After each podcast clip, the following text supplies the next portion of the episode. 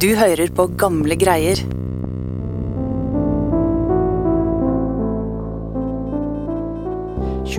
juni 1931 så sendte en mann et koda telegram fra en telegrafist i Gøteborg og 2272 mil nordvestover til en fangststasjon på Øst-Grønland. Deretter så sendte han et annet telegram tilbake til Oslo, dit han sjøl nettopp var kommet ifra. I denne meldinga så sto det bare Evangeliet utgår over Oslo. Pastor Dahl. Men mannen som sendte de her to beskjedene, han het ikke Dahl, og han var ikke pastor. Meldinga han sendte til Oslo, var en del av en avtalt kode til meningsfellene hans der, en beskjed om oppdrag utført.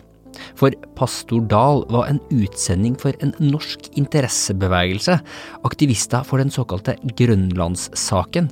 Grunnen til at han hadde reist helt til Gøteborg for å sende de her to meldingene, det var at beskjeden i det første telegrammet som ble avkoda av den 33 år gamle fangstmannen og sosialøkonomen Halvard Devold ved fangststasjonen Myggbukta på kysten av Øst-Grønland, den var eksplosiv. Telegrammet ga han beskjed om å okkupere store deler av kysten av Øst-Grønland, altså å ta landet fra danskene. Dagen etter så signerte Devold med fire av sine fangstkamerater et brev. I dag klokken fem aften har vi heist det norske flagg og tatt landet fra Karlsbergfjorden i syd til Besselfjorden i nord i besittelse, i Hans Majestet kong Haakon den syvendes navn og kalt dette området Eirik Raudes land. Okkupasjonen av denne delen av øya, med Myggbukta som en slags hovedstad, var bare første steg i en avansert plan som innebar strategisk bygging av et svært nettverk av fangsthytter, skjulte innrykk med hundesleder enda dypere inn i dansk territorium for å ta eierskap over verdens største fjord. Og for å få til det her, så trengte grønlandsbevegelsen hjelp fra Norges siste store polarhelt. Noe så vakkert og så storslått som Grønland, det har jeg overhodet aldri sett. Det var et land akkurat for nordmenn.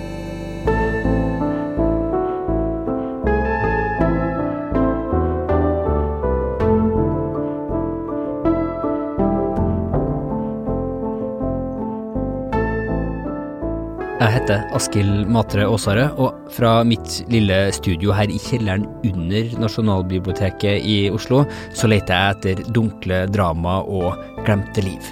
Den neste halvtimen Norges okkupasjon av Grønland.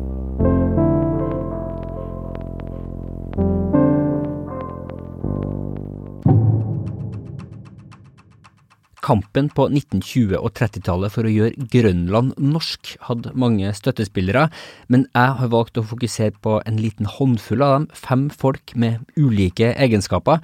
Hadde dette vært en heist-film, så ville dette vært superteamet som sammen gjorde det umulige brekket. Den ene av dem har du alt møtt i Myggbukta. Halvard Devold. En ung mann med avlangt ansikt, luftig hår og stor eventyrlyst. Og du skal få møte broren hans, Finn, også. De to neste er kanskje de mest sentrale og de viktigste, de store hjernene bak Grønlandssaken. Den ene er Adolf Hoel. Rektor Arktis det her er fra et foredrag som hun holdt i 1940, altså etter uh, okkupasjonen av, av, Norge og lenge etter Grønlandssaken, og som jeg fant i Kringkastingsarkivet på Nasjonalbiblioteket. I 1921 tok Danmark Øst-Grønland i besittelse. Hol med sine runde briller, sitt spisse skjegg og sine fjonge, høye skjortekrager var en av de aller mest sentrale utforskerne av polarområder. Mange gir han mye av æra for Svalbardtraktaten, som for akkurat 100 år siden, i 1920, gjorde den øygruppa norsk. Hoels nærmeste kompanjong var en mann med gutteaktig, glattbarbert ansikt, Gustav Smedal. Han var jo jurist, så han, han var på en måte en eh, ekspert på hvordan underlegge seg land. Det er professor i historie Stian Bones som jeg snakka med fra hans kontor på Universitetet i Tromsø.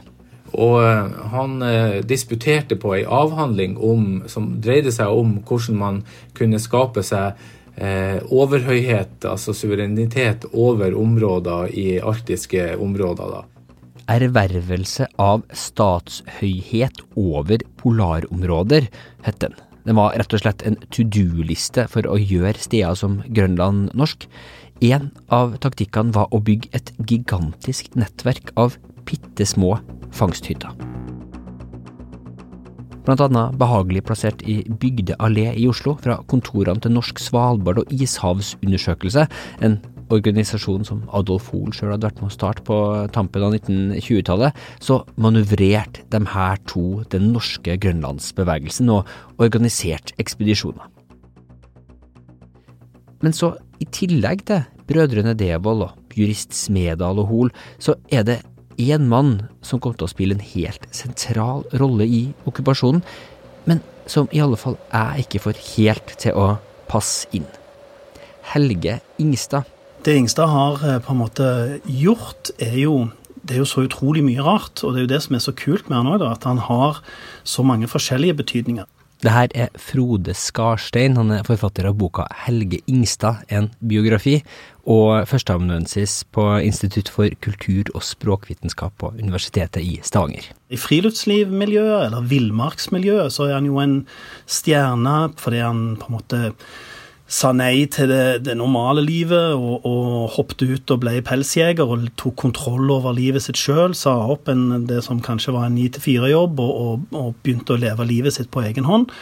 I arkeologien så er han jo en, en stor type òg, i forhold til dette med funnet av tuftene på Lawrence Meadows i Canada, som viste at uh, norrøne folk kom dit uh, lenge før Columbus. For der, der, gjorde han virkelig en arkeologisk oppdagelse av verdens betydning, um, i lag med, med kona si. Og det er en fantastisk uh, bragd med et hav av konflikter som det er veldig spennende å, å grave seg inn i, men det er, en, det er, for en annen gang.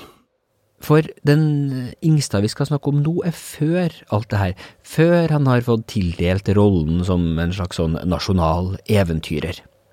I 1930 så hadde han akkurat kommet tilbake til Norge etter å ha vært borte i fire år. Jeg kom fra Canada den gangen dette er fra et intervju som Ivar Holm gjorde med Ingstad for NRK i 1975. Jeg hadde vært uh, pelsjeger langt nord i Canada i fire år, kom tilbake til Norge, hørte om Grønlandssaken og var selvfølgelig straks med på den. Og Det er da han begynner å ta kontakt med Adolf Hoel og grønlandsmiljøet for å um, få støtte uh, til å um, dra på en overvintringsekspedisjon til, til Grønland. Dermed så blir han dratt inn i kampen til Hol og, og Smedal. Veldig mange av dem som var med i den her nasjonalistiske territorialstriden med Danmark, de endte opp med å aktivt eller passivt støtte den tyske okkupasjonen av Norge når den tid kom. Etter krigen så var veldig mange av dem slagne menn. Men det gjaldt ikke Helge Ingstad. Han passer liksom ikke helt inn i, i det bildet. Så hva var det egentlig som drev han til å bli med på en fåfengt, nasjonalistisk drevet okkupasjon av dansk territorium, av alle ting? For å få svar på den gåta, så må vi kanskje forstå verdens største øy og mange nordmenn sin tiltrekning til den litt bedre.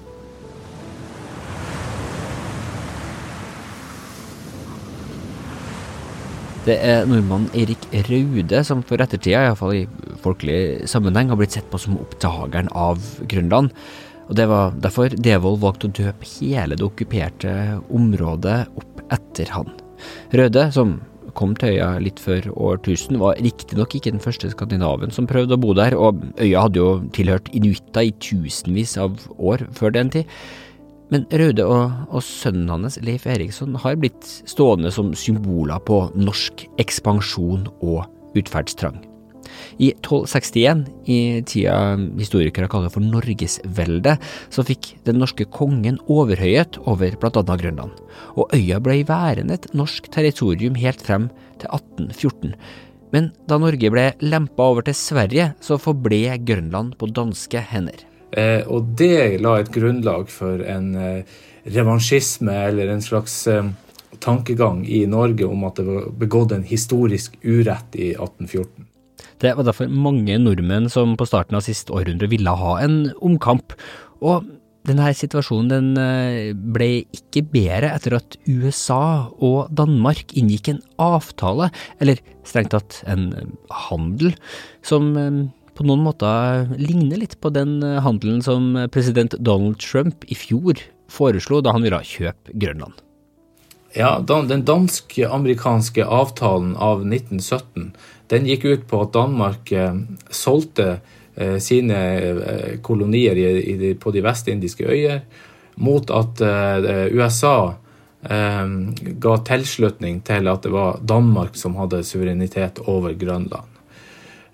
Og i 1919 så kommer det spørsmålet opp fra dansk side. Ok, vi kan akseptere norsk suverenitet over Eller vi, vi slutter oss til Svalbardtraktaten mot at Norge ikke lager problemer i forholdet i den avtalen som Danmark hadde inngått med USA i 1917. Og det hele ble verre i 1930, da danske myndigheter erklærte at de skulle sette i gang en tre år lang ekspedisjon til Øst-Grønland, som også da var et område som spesielt norske fangstfolk kjente et sterkt eierskap til. Og på norsk side, og spesielt i aktivistmiljøet, så var man redd for at denne ekspedisjonen skulle bli utstyrt med politimyndighet. At Lauge Kokk, den, den kjente danske ekspedisjonsmannen, ville få politimyndighet, og i så fall var jo det et uttrykk for dansk suverenitet. Da måtte man komme danskene i forkjøpet og få eh, et uttrykk for norsk suverenitet over dette området, hvis man mente det var norsk. Det var derfor ganske mange som var panegyrisk da Halvard Devold og mannskapet hans okkuperte Eirik Raudes land i juni 1931. Som Sunnmørsposten skrev, da Sunnmørsposten kom ut i går middag med telegram om Halvard Devolds okkupasjon på Øst-Grønland, gikk det et stort, varmt smil over folket. Det føltes som om flagget vårt hadde fått en ny, sterk glans. Den norske regjeringa, den første med Bondepartiet som medlem, blant annet med forsvarsminister Vidkun Quisling, sleit først med hvordan skulle reagere på denne private okkupasjonen. Det var så vanskelig at justisminister Asbjørn Lindboe visstnok gikk til Ingeborg Køber, et åndemedium, for å få snakke med nylig avdøde statsminister Peder Kolstad for å få råd. Men likevel, selv om det var enorm uenighet internt i regjeringa, så endte de til å slutte opp med å støtte okkupasjonen. Regjeringa og mange i Norge var jo av den oppfatninga at dette eh, kanskje ikke var dansk land. At dette var et område som var eh, terra nullius. Altså et, eh, et, område som var fritt eh, til, eh, til, utnytting, og som sto fritt og ikke var underlagt noen overhøyhet. Så, året etter okkupasjonen i Myggbukta, så okkuperer Finn Devold, bror til Halvard Devold, Finnsbu, hundrevis av kilometer lenger sør, langt utenfor Erik Raudesland. Og det er nå i denne episoden det kanskje er på sin plass å tegne et slags mentalt kart for deg som hører på. Dette kartet, med norske og danske fangsthytter og radiosendere tegna inn, ser ut som et slags virkelighetens utgave av brettspillet Risk, eller kanskje Settlers of Katan. Norge har nå altså okkupert to steder på Grønland, Erik Raudesland helt nord på østkysten av øya, og området rundt Finnsbu nokså langt sør på østkysten av øya. Imellom de her to områdene som brødrene Devold har tatt, så ligger verdens største fjord, Skorresby sund, og ved utløpet av denne fjorden så hadde danskene bare noen år tidligere etablert en inuittbosetning med ca. 70 innbyggere, Skorresby sund-kolonien, eller It-ok-or-tor-mit, som den heter i dag. Eh, som gjør det litt sånn trøblete i forhold til å begynne å okkupere land hvor det bor en urbefolkning. Men det stoppa ikke den norske grønlandsbevegelsen. Smedal og Hoel de diskuterte hvordan de kunne få dette området til å også defineres som norsk. De ville sende Helge Ingstad inn til Skorresby sund, men de fikk ikke med seg regjeringa til å støtte en sånn ekspedisjon. Sjøl om regjeringa endte opp med å støtte selve okkupasjonen, så ble det litt mye å aktivt nærme seg den danskbygde bosetninga.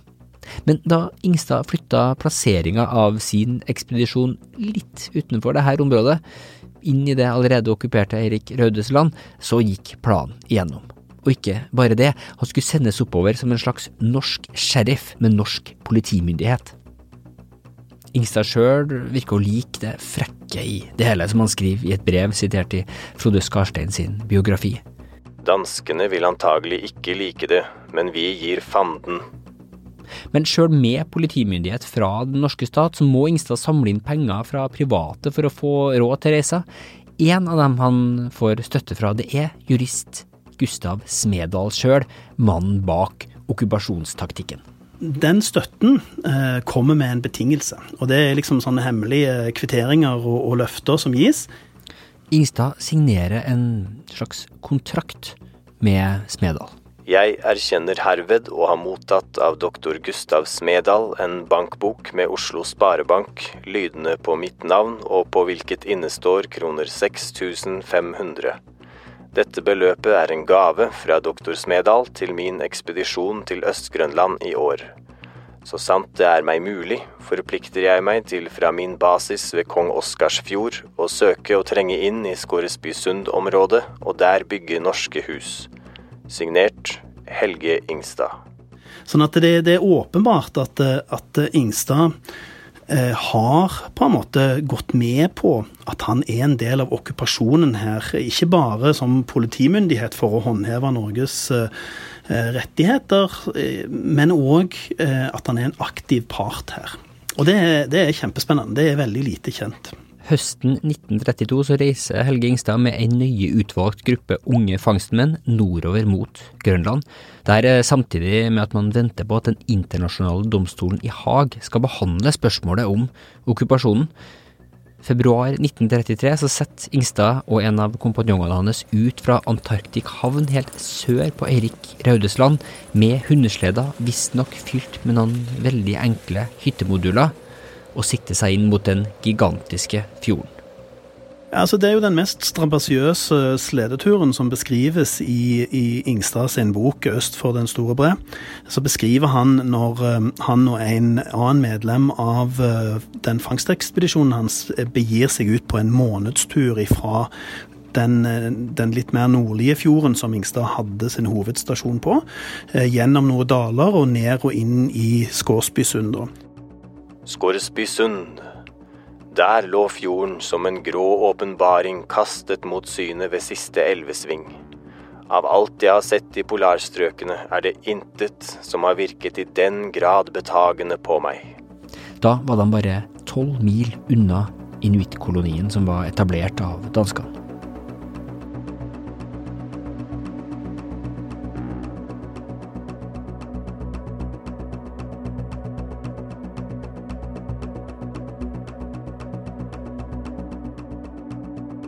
De er i dette området en del dager. De skyter og flår en isbjørn. De blir overraska av dårlig vær og blir sittende fast. Men hva som skjer med hyttene, det forblir uklart. Ingstad sier altså at han har med seg hytteelementer over fjellet, men han beskriver ingen sted at han setter dem opp. Bygger han dem, sånn som han avtalte med Smedal?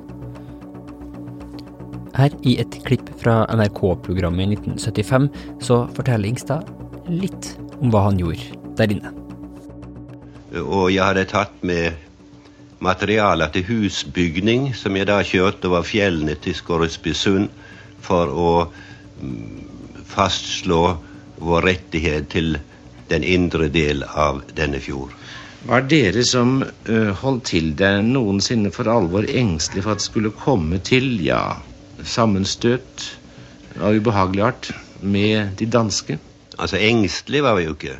Men uh, selvfølgelig, den mulighet var jo kanskje til stede. Uh, I den tiden var jo stemningen temmelig tilspisset mellom de to land. Det er umulig for oss å vite om Ingstad faktisk reiser noen hytter der. Han har med seg material til ei hytte på en slede som, han, som, de drar over. Men om, faktisk, om det materialet kommer fram til Skarsbysund eller ei, det, det, vet man ikke. Og dette er akkurat i jeg tror det er slutten av mars 1933 dette her foregår, og det er jo rett før dommen faller. Og det er de jo klar over. De er klar over at en dom er i ferd med å nærme seg, og at det derfor er viktig å, å være klar til å fremstå som om man, at man har okkupert den her. Men hvis dommen faller ikke i norsk favør, så ønsker de ikke å avsløre at de har, har gjort dette. Så, men det er, sånn, det er, en sånn, snodig sak hvor Ingstad er utrolig ullen. Det er umulig å vite eh, om Ingstad faktisk har frakta materialen over, om han har bygd disse hyttene, eller hva som egentlig skjedde. Og det nevnes aldri mer i, i noe trygt materiale, i hvert fall, for, eller utgitt materiale, så omtales ikke dette her, annet enn i veldig sånn diffuse ordelag. Rett før dommen i Haag skulle felle, så fikk Helge Ingstad gitt til sin radiotelegrafist et forsegla brev. Det inneholdt okkupasjonsdokumenter som de hadde skrevet mens de var inne i Skorresby sund. Og tanken var at om saken gikk i Norges favør, så skulle dette dokumentet sendes ut til regjeringa og til media, sånn at man kunne bevise at Norge hadde tatt i bruk et enda større område på Grønland som da burde tilfalle Norge. Men sånn skulle det ikke bli. Dommen i Haag var knusende mot Norge og Grønlandskampen. Okkupasjonen av Skorresbysund har derfor aldri offisielt skjedd. Smedal og Hols avanserte og dristige plan faller altså helt igjennom. Men Grønlandssaken blir likevel ikke lagt død. Noen uker etter dommen i Haag så blir Nasjonal Samling grunnlagt. Vår bevegelse Nasjonal Samling er en nasjonal fornyelsesbevegelse. Og kampen for Grønland blir en viktig sak for Vidkun Quisling. Og mange av dem som var aktive i grønlandskampen, de følger altså etter han, andre Adolf Hoel. Hoel blir forferdelig deprimert over dette her, og um, blir da i 33, etter dommen har falt, så blir han på en måte Det er lett å si at han blir lukt med av Quisling inn i NS. Kanskje han sprang frivillig inn i NS, jeg vet ikke jeg. Men, men en av motivene er at eh, Quisling er veldig åpen på at NS skal støtte Hoel sin sak i forhold til denne ishavsimperialismen, da, som skal støtte Norges sak tydelig i arktiske strøk. Og det er det som eh, både jeg og mange andre har tolka som Hols motivasjon for å gå inn i NS, eh, hvor han da er med fra 33 og fram til krigen, og for så vidt òg gjennom krigen. Han ble jo dømt for landssvik eh, etter krigen, av forskjellige grunner. da. Han er en stor person før krigen, og så kollapser han helt etter krigen og forsvinner egentlig ut i, i ingenting, og, og, dør som en ukjent mann i, på 60-tallet. Det er vel òg blant annet, Han òg blir jo dømt for landssvik. Det blir Smedal òg, de er òg dømt for landssvik. For de, de, ender opp i et slags miljø som går ifra en frustrasjon over Grønlandssaken inn i NS og gjennom krigen og til landssviksdom, i forskjellig grad. da. For brødrene Devold så er det litt komplisert. Finn Devold, som altså har okkupert uh, sørspissen av, av, Grønland, ser ut til å ha trukket seg helt ut av det uh, politiske. Han blir fiskeforsker resten av livet. Halvard Devold, som også sto bak den originale okkupasjonen i Myggbukta, derimot litt vanskelig å bli helt klok på. På starten av krigen så slåss han med franskmennene mot tyskerne i, i, Narvik. Han var med å slåss i Narvik, eh, fikk en utmerkelse av uh, franske myndigheter etter krigen for uh, måten han hadde slåss i lag med franske soldater på i Narvik.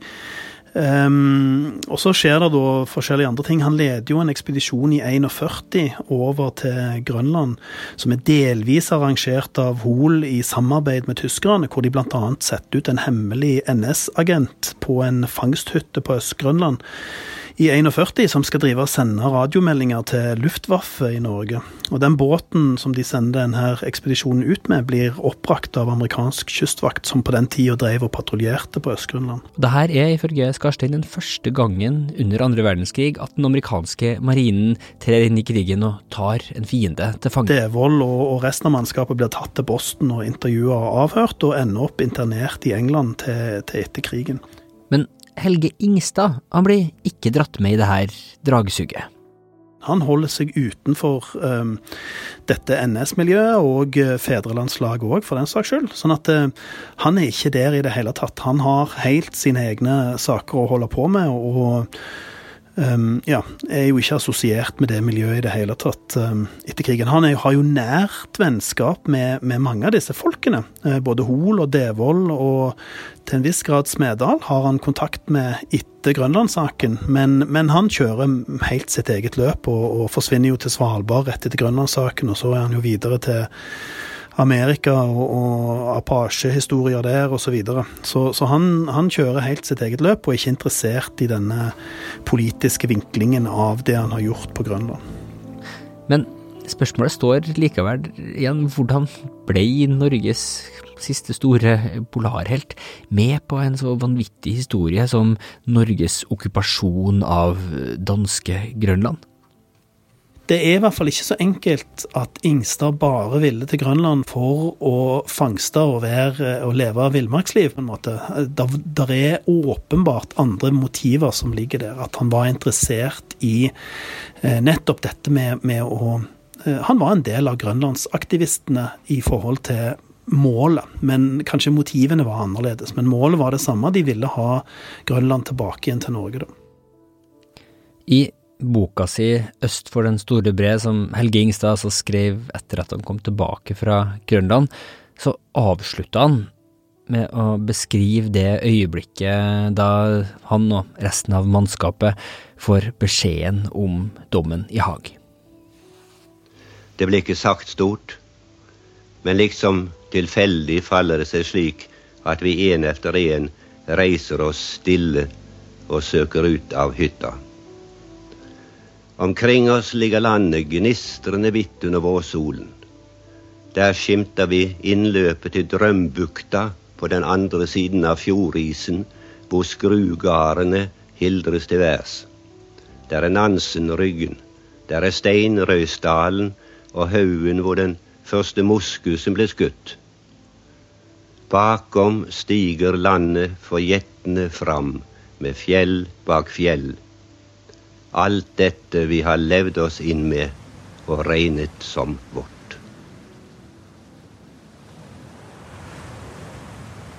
Det var nordmenn til stede på Øst-Grønland frem til 1950-tallet.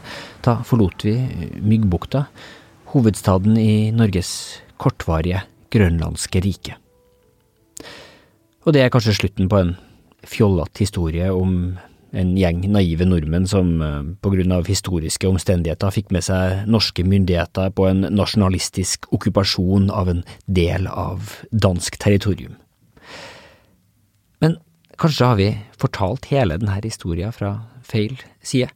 For saken er egentlig historisk viktig, men ikke på grunn av det vi nå har fortalt om eventyrlystne imperialistiske nordmenn som bryner seg på isødet, nordmenn som flytter rundt på hytteplanker på kryss og tvers av hurtige opptegna grenser. Nei, den er viktig for dem som var der før dem, dem som kom fra Grønland. Vi har nevnt inuittene bare så vidt. Men om en leser denne historien fra deres perspektiv, så er det noe helt annet enn Norges fåfengte kamp for å gjøre Grønland norsk som er viktig. Det som er mest interessant, det er at den norske okkupasjonen av Eirik Raudes land var den første gangen representanter for Grønlands egen befolkning fikk gitt sitt standpunkt på en sak til det internasjonale samfunnet. Noen vil sikkert diskutere hvor fri de her uttalelsene egentlig var, men både det sydgrønlandske og det nordgrønlandske landsråd var tydelig, de ønska ikke at Erik Raudes land skulle bli norsk.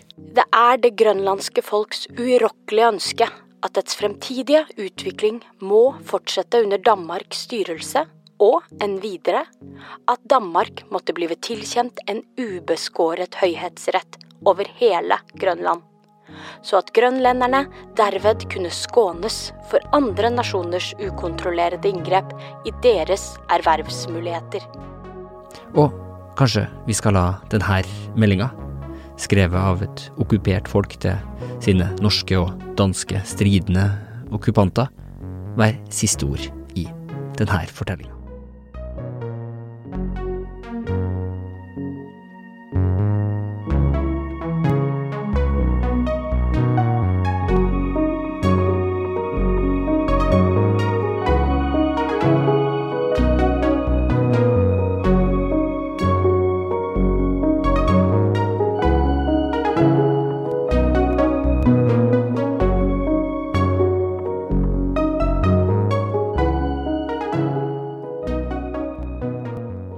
Lese mer om Helge Ingstad, så vil jeg anbefale Skarstein sin biografi. Det er derfor jeg har henta sitater fra Ingstad sine brev og, og lignende. Det første stedet hvor jeg så en beskrivelse av telegraferinga fra Göteborg og sjølve okkupasjonen av Myggbukta, det var en artikkel i Universitas. Ishavsimperialistene het den. Og detaljene rundt okkupasjonen de har jeg henta fra bind to av Einar Arne Drivenes og Harald Dag Gjølles Norsk polarhistorie. Ingstad-opptakene var altså fra et program som Ivar Holm laga i NRK i 1975, og det var også der jeg fant sitatet fra Sunnmørsposten. Stemmene til Adolf Hoel og Vidkun Quisling var henta henholdsvis fra et foredrag holdt i juli 1940 og en tale holdt 25. mai 1942. Og alt det her det kan du sjøl finne inne i Nasjonalbibliotekets kringkastingsarkiv, et virkelig fantastisk sted. Og jeg ville heller ikke klart å fortelle denne historien uten tilgang til Nasjonalbibliotekets digitaliserte avisarkiv. Så må jeg takke Camilla Kjær Mangrød, som først satte meg inn i denne kompliserte saken. Ida Berntsen hun er redaktør for Gamle greier. Jeg heter Askild Matre Aasare. Og om du liker det du hører her, så fortell veldig gjerne venner og familie om oss. Vi høres.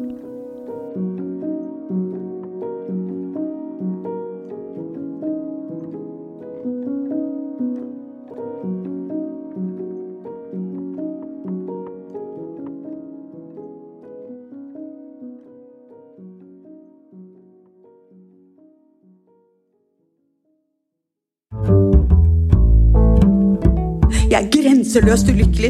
Ett ord fra deg kan ta smerten fra meg. La det ikke utebli, men gi meg det snart. Jeg elsker deg, du forferdelige menneske.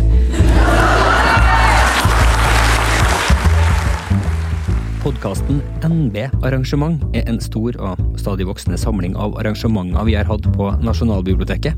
Her skal du få noen smakebiter. Denne teorien om at alle sivilisasjoner må av historiske, naturmessige årsaker kollapse. Før eller siden. Kveldens brev fra arkivene er ikke skrevet i sinne, men i bekymring og sorg. Dypt personlige historier fra mennesker som kom før oss. Jeg ville så gjerne ha skrevet om stormannsgalskap og høyspent dyrkelse av det såkalte åndsmennesket, og også kunstneren med stor K, men det fikk jeg ikke plass til i kveld, og det er klart at det må bli et fremtidig foredrag. Det er viktig at vi ikke bare ser på dagen i dag ut fra gårsdagens erfaringer, men også ser på den i lys av morgendagens muligheter. Ingen er tjent med å rygge inn i fremtiden. Så jeg innførte fra første dag den regelen at alle møter begynner presis. Og så tok vi først sakene til dem som ikke var kommet. Og neste dag var dere alle sammen. Kanskje jeg til og med hadde vært litt sånn Ikke så ivrig på å henge noen under en orm som drypper eter etter agnarokket. Jeg vet ikke, kanskje. Men det er jo gøy med sånne folk òg. Jeg har som livsmotto at den kvinne som har vært elsket, hatet og misunt, har levd et godt liv.